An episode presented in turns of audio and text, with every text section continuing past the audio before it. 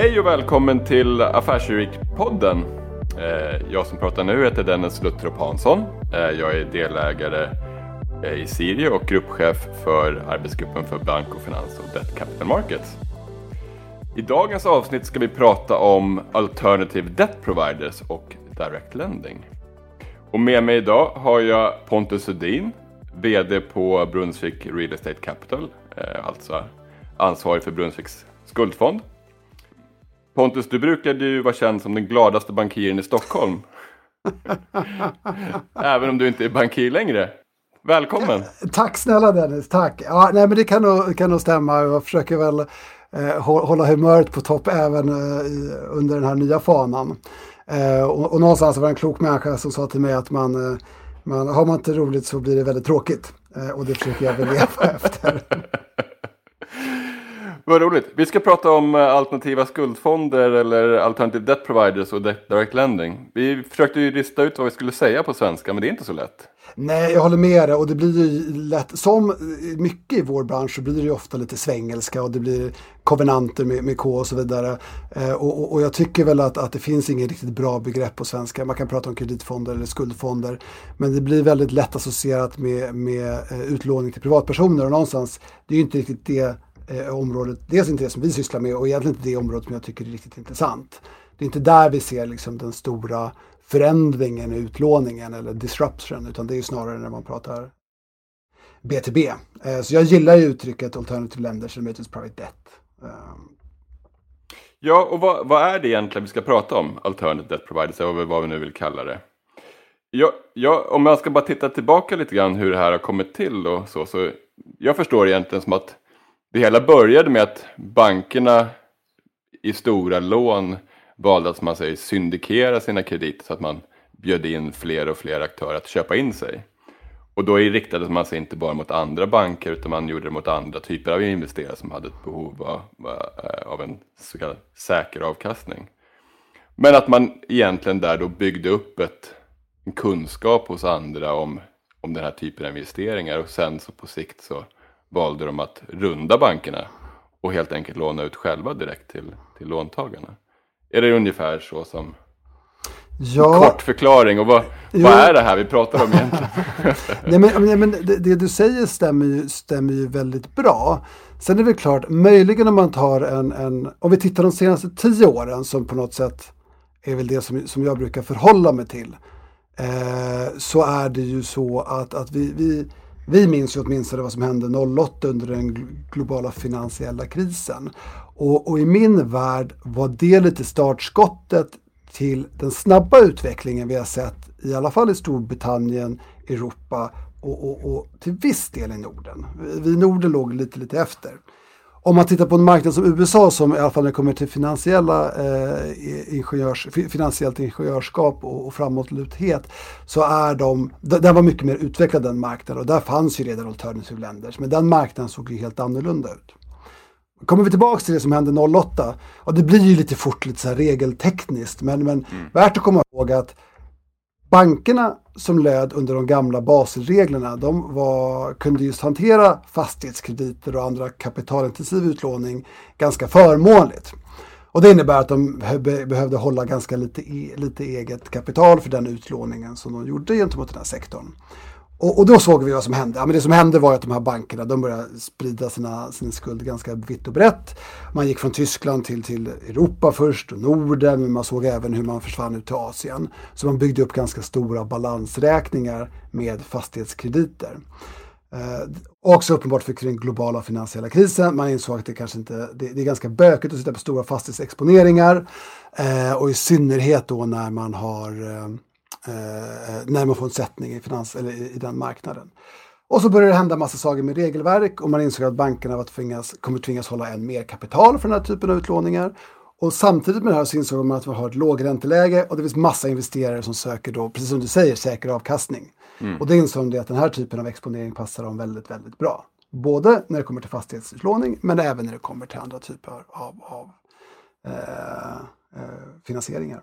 Så det är väl liksom lite upptakten. Och kollar vi Storbritannien så kan vi se att sedan 2011 har det här i princip exploderat. Eh, Alternative länder står för 30 procent av all utlåning just nu.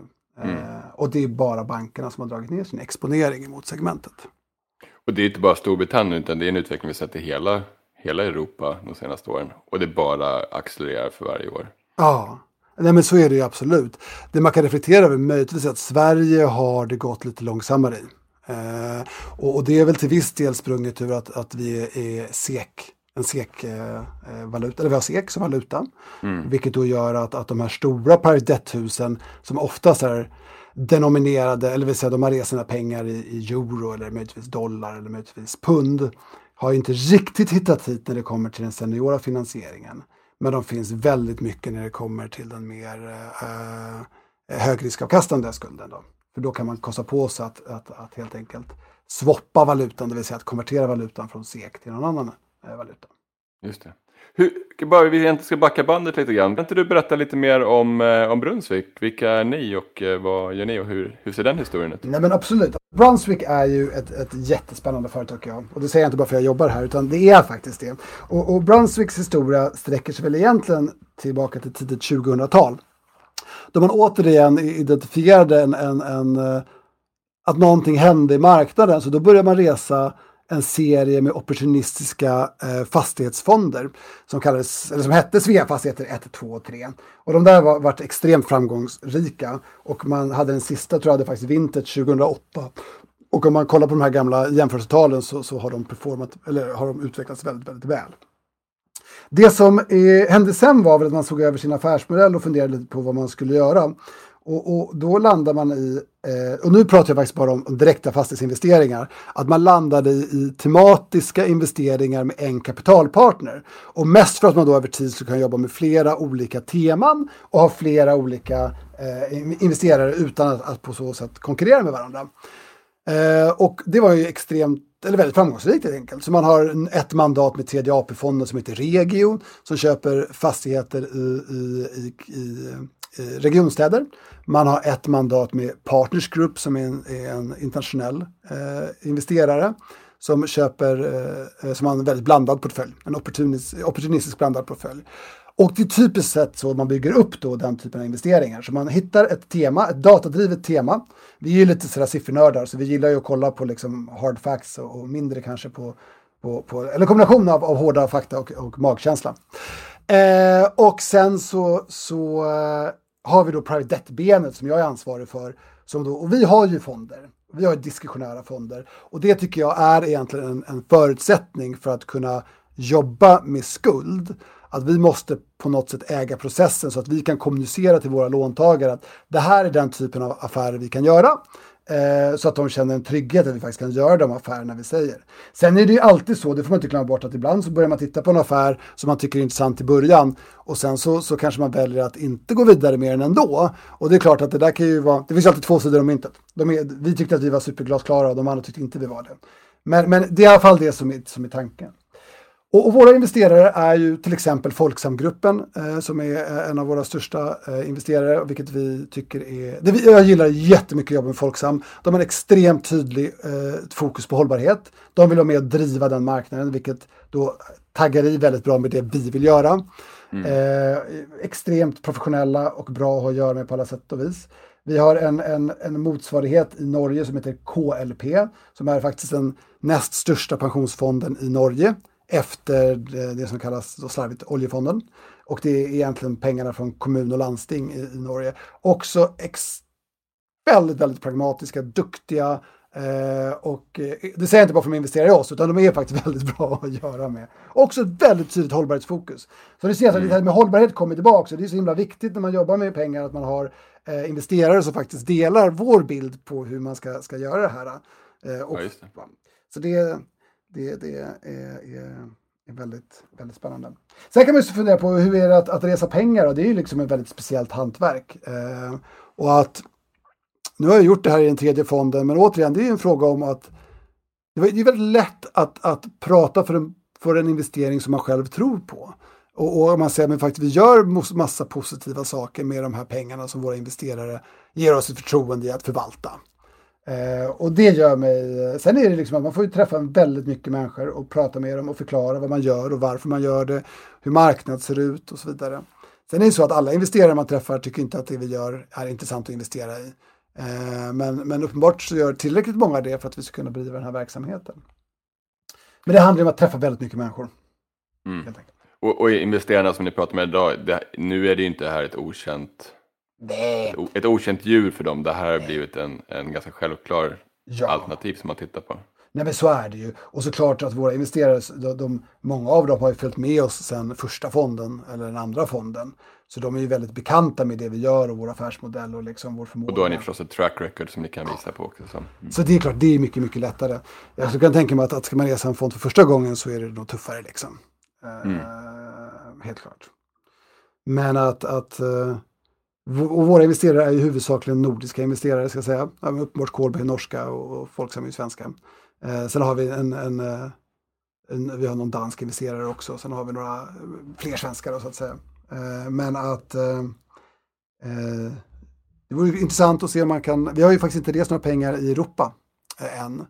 Så det kan ju vara en sån, ett nästa steg för oss också att se hur, hur skulle det funka. Det, för era fonder är SEK-fonder? Ja, men de är SEK-fonder. Så vi gör bara mm. lån i Sverige med svenska fastigheter. Eh, och faktiskt i huvudsak svenska fastighetsägare också, skulle jag säga. Mm. Men hur, hur ser din bakgrund ut och hur kom det sig att du bytte till, till den här sidan? Um... Ja, men det är ju rätt intressant. Eh, jag har ju då eh, eh, jobbat väldigt länge inom, inom bankvärlden helt enkelt. Jag har startat en tysk bank i Norden. Jag har jobbat på, på, på Nordea under fem års tid på DCM.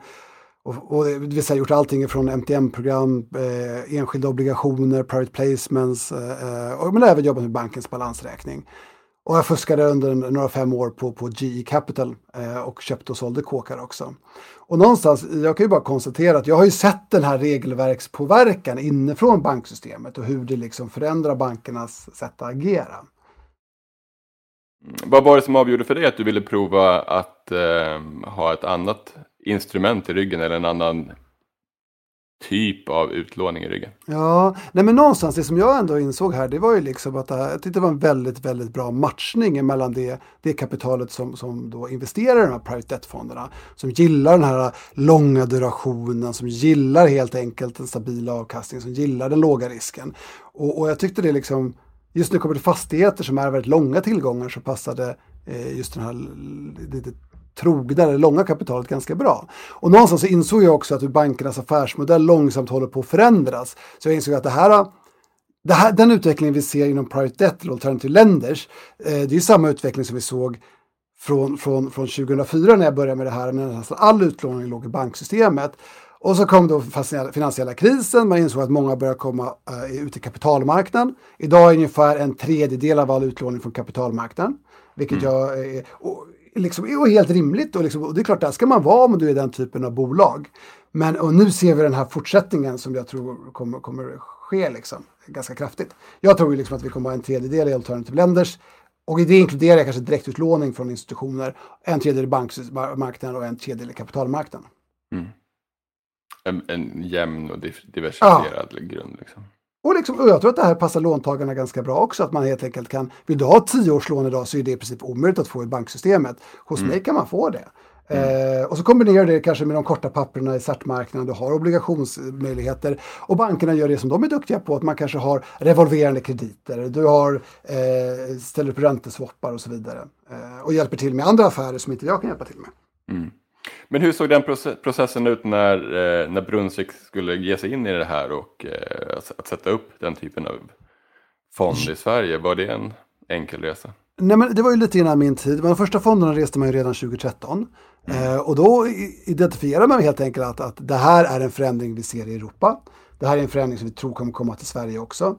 Så den första fonden var ju väldigt mycket ett sätt att testa marknaden så finns det investerare, finns det låntagare, finns det den här typen av, av eh, finns det en affär här helt enkelt. Mm. Och sen så gradvis så märker man att marknaden har utvecklats, vi har utvecklats, våra investerare har utvecklats och, och, och nu när vi gjorde vår första stängning i vår tredje struktur då, då kunde vi resa drygt 12 miljarder eh, och vilket gjorde att vi hade fördubblade vårt förvaltade kapital, vilket känns mm. superspännande helt enkelt mm. och jättekul och, och framförallt är man ju väldigt man är väldigt stolt över sitt team och man är stolt över sina investerare som ger oss det här förtroendet.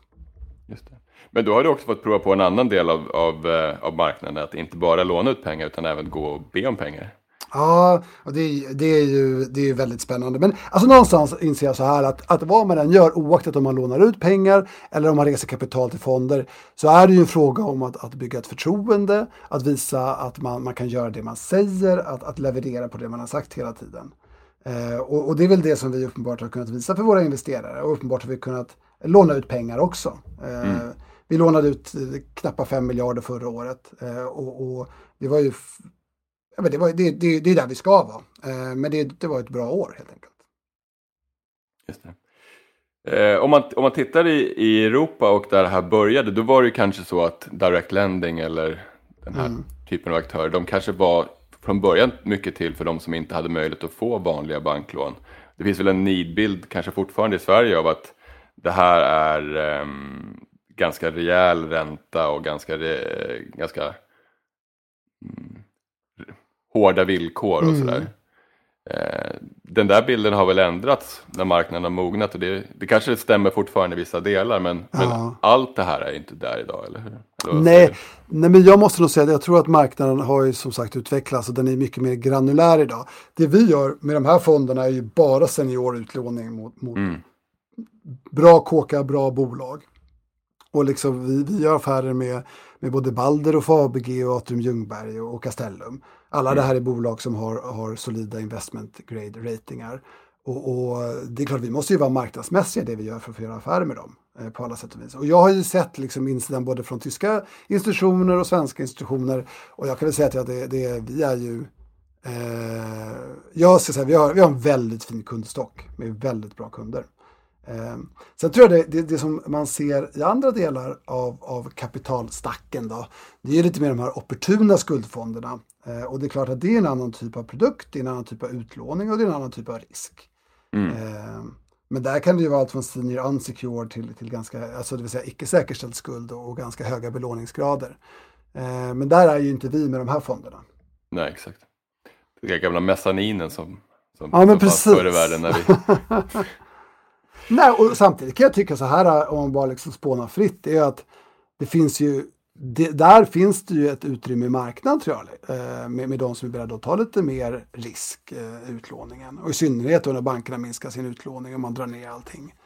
Jag kan väl säga det att, att vi, en gammal arbetsgivare som jag hade, GE Capital, kom ju till Norden med det. Att man, man gjorde mezzaninlån, man gjorde det som kallades preferred equity och så vidare. Där man då, och det finns ganska många bolag som faktiskt började sin resa med den typen av kapital. Eh, och det, jag kan ju tycka det är, är en ganska intressant kapitalform ändå eh, som supporterar unga bolag eh, som, som, som har en, en bra tanke och en bra idé helt enkelt. Men det är ingenting som ni gör idag? Nej, det är ingenting vi gör idag.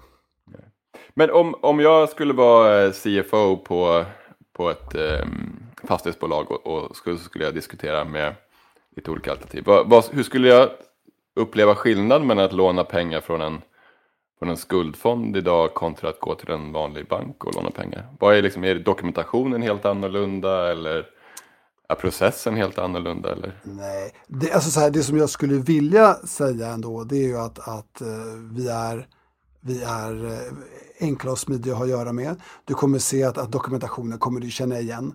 Vi, kanske inte om du är van vid blankettlån, uh, även fast det är lite utdöende utlåningsform för, för lite mm. mer strukturerade krediter.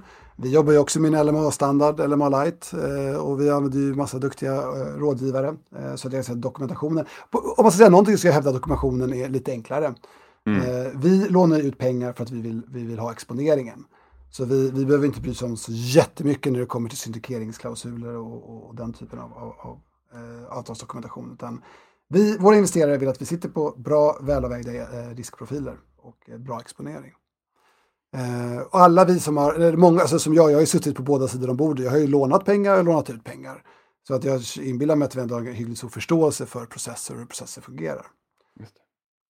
det är annan, det man sett i Europa är ju att eh, även då inom ramen för direct lending så har man börjat bygga klubbar och syndikat för att göra ännu större större affärer. Det, mm. det ser vi inte i Sverige ännu. Nej. Ni har inte, ni har inte många samarbeten med kanske? Nej, alltså, det, men det är värt att komma ihåg. Vi har ju, det, det, vi har ju gjort en affär till exempel med Allians. Mm. Eh, där de gick in som, som en co-lender tillsammans med oss. Vi har gjort några, jobbat med några andra institutioner direkt och i några fall så har vi jobbat med en investerare i fonden som har velat eh, ha mer exponering. Och oftast är det drivet av att affären är för stor för att, att passa in i våra, i våra fonder. Så man behöver dela upp den lite. Sen får man inte glömma bort att Sverige och Norden traditionellt sett har ju inte varit en marknad där man har handlat mycket med skuld, inom fastighetssektorn i alla fall. Mm. Lite annorlunda när det kommer till, till, det som man kallar corporates eller företag och, mm. och private equity. Men, men fastighetskrediter har ju typiskt sett varit en, en bilateral övning mellan banken och låntagaren. Eh, och sen har banken suttit på exponeringen. Och där tror jag det har skilt sig ganska mycket åt andra delar av Europa. Eh, där man faktiskt kanske, då en bank går in och, gör en så kallad underwrite, det vill säga att man garanterar hela lånet dag ett. Och sen har man sålt ut det, delar av det, eh, när affären, affären väl är gjord. Eh, det, det, har, det, har vi nästan, vi har sett det i, är jättelite utsträckning i Norden ska jag säga. Så det är väl också en del av förklaringen. Jag tror att det, det är mycket vanligare förekommande i andra delar av Europa. Då blir det liksom mm. eh, mycket naturligare för dem. Men vad tror du om de närmsta åren? Kommer vi se flera fonder i Sverige som, som jobbar mot ert segment? Kommer det här, är, ni, är ni en av de första eller kommer ni fortsätta? Nej, jag, alltså, jag ser ju att vi kommer kunna växa det här ganska rejält, både i Sverige och, och, och, och som är vår primära marknad. Men sen kan man alltid drömma om att, att om några år kanske man gör en europrodukt också. Mm. Eh, det skulle vara naturligt för oss eh, eftersom vi är nordiska. Eh, jag är helt övertygad, vi har ju börjat se att det finns redan vissa konkurrenter, det, det pratas mycket det viskas mycket i, vassen om att det kommer komma olika aktörer. Och jag kan mm. tycka liksom i grund och botten att det är bra. Alltså som alla, utveckling, eller alla nya marknader och utvecklingar i nya marknader så är det bra att det kommer fler aktörer som driver marknaden framåt. Så jag tycker det är superintressant. Och jag tror också att bankernas aptit kommer minska över tid.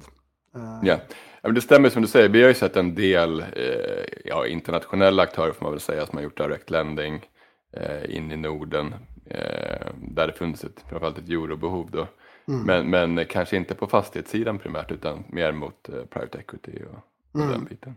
Så det kanske blir då fler internationella aktörer som rör sig mot och sen så kanske nya aktörer i Norden också. Ja. Ah, nej, jag tror att det är helt, helt ofrånkomligt. Och också lite det här med att återigen, investerarna Pensionskapitalet söker avkastning och det är ganska svårt att hitta avkastning, väl, eller avkastning med rätt riskprofil rättare sagt, mm. i till exempel obligationsmarknaden. Och man ser att många statspapper har liksom i, i bästa fall noll i avkastning, men i många fall negativ avkastning. Så det är klart att ska man leverera 2, 3, 4 procent årligen så, så behöver man ju leta efter andra investeringar som faktiskt det finns en avkastning inom. Eh. Betyder det här att bankerna egentligen på sikt är på väg ut ur utlåningsmarknaden. Mm, ja, intressant iakttagelse. Nej, men jag, så här, om jag vore bankman idag då, då mm. hade jag ju försökt skruva om modellen mycket mer kanske mot just det här att, att underwrita eh, och sen liksom distribuera skuld. Eh, mm. men, men det är lättare, det är lätt att säga men det är ganska svårt att göra om man har en affärsmodell som är uppbyggd på ett annat sätt. Man får väl se lite exakt vad de nya basreglerna tar vägen och hur du skruvar till sig liksom. Ja, för det verkar inte som att eh, regelverken för banker kommer eh, minska i omfattning de närmaste åren. nej, nej, nej.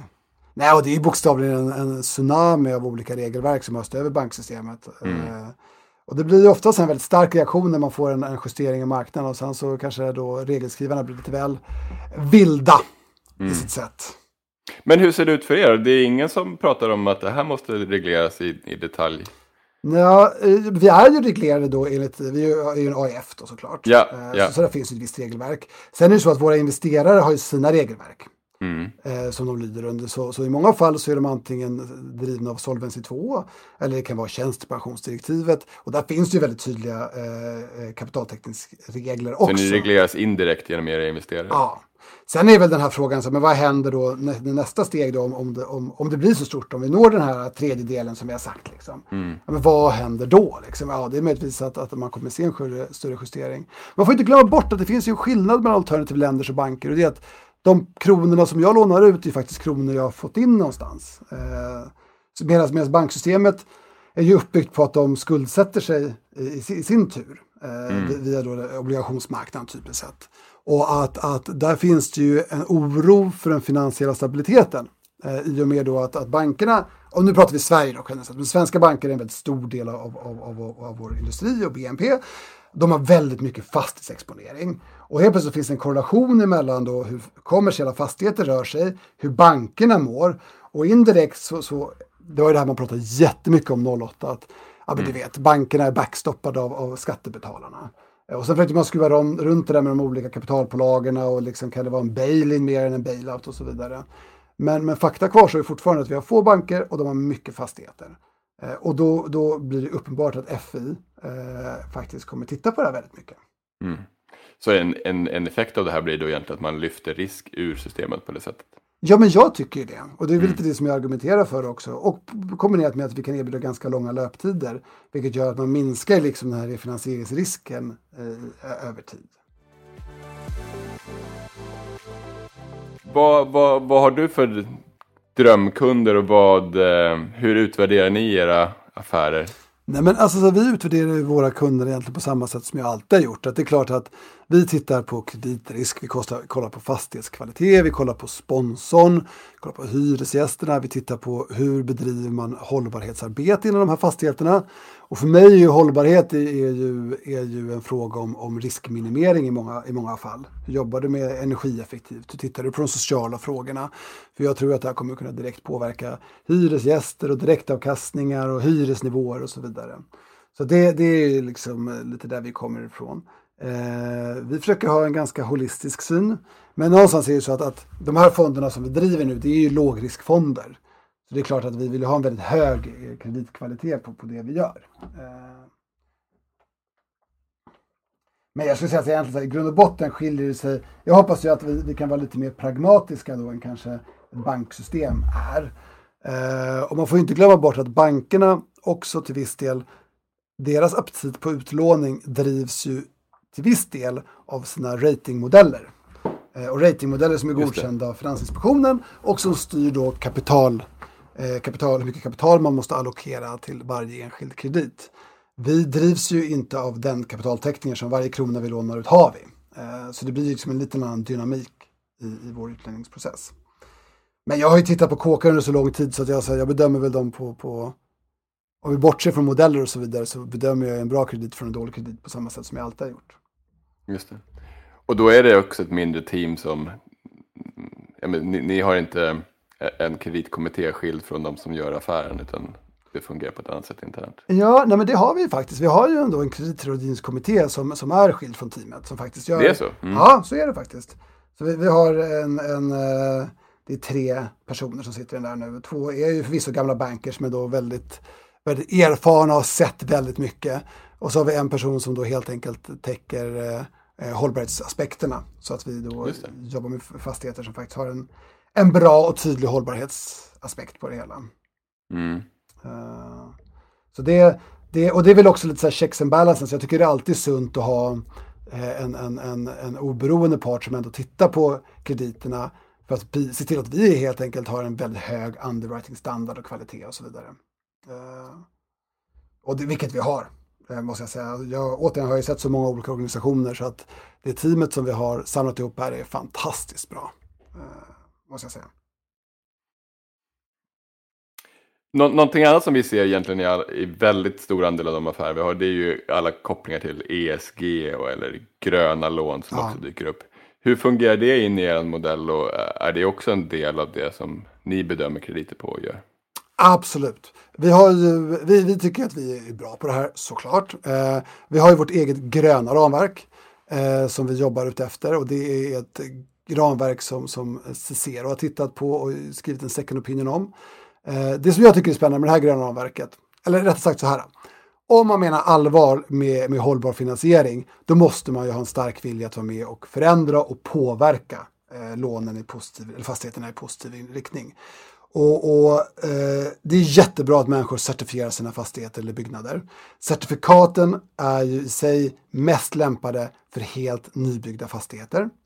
Eh, men då får man inte glömma bort att det finns ungefär 300 000 kommersiella fastigheter i Sverige. Det innebär inte att det finns 300 000 kommersiella byggnader, men det finns åtminstone 300 000 kommersiella fastigheter. Och att, att, att många av de här fastigheterna är gamla. De kanske är svåra att certifiera. Så det som vi har gjort och jobbar med, det är ju helt enkelt att eh, titta på, på titta på att man kan förbättra fastigheter över tid utan nödvändigtvis skaffa ett certifikat. Alltså det behöver inte vara lead eller Briam. Är det det så är det bra och då är det enkelt. Men vi tittar också på att menar, du jobbar med din energiförbrukning, kan du minska den? Titta på, har du en, en förnyelsebar eh, energi? Har du gröna bilagor på dina hyresavtal? Och så vidare och så vidare och så vidare. Och allt det här kokar ner på att då kan det fortfarande kvalificeras under vårt gröna ramverk som ett grönt lån. Och du kan också få ett grönt lån dag ett och sen har du tre år på dig att åtgärda alla de här, eh, de här sakerna. Ja, så det tycker vi är superspännande och skitkul, eh, eller jättekul. Ehm, eh, det som jag tittar väldigt mycket på just nu, eller vi tittar väldigt mycket på, det är bara hur kan vi bli bättre på, på social hållbarhet. Eh, och, det. Och, och, det tycker jag, och det är ju svårare i vissa perspektiv.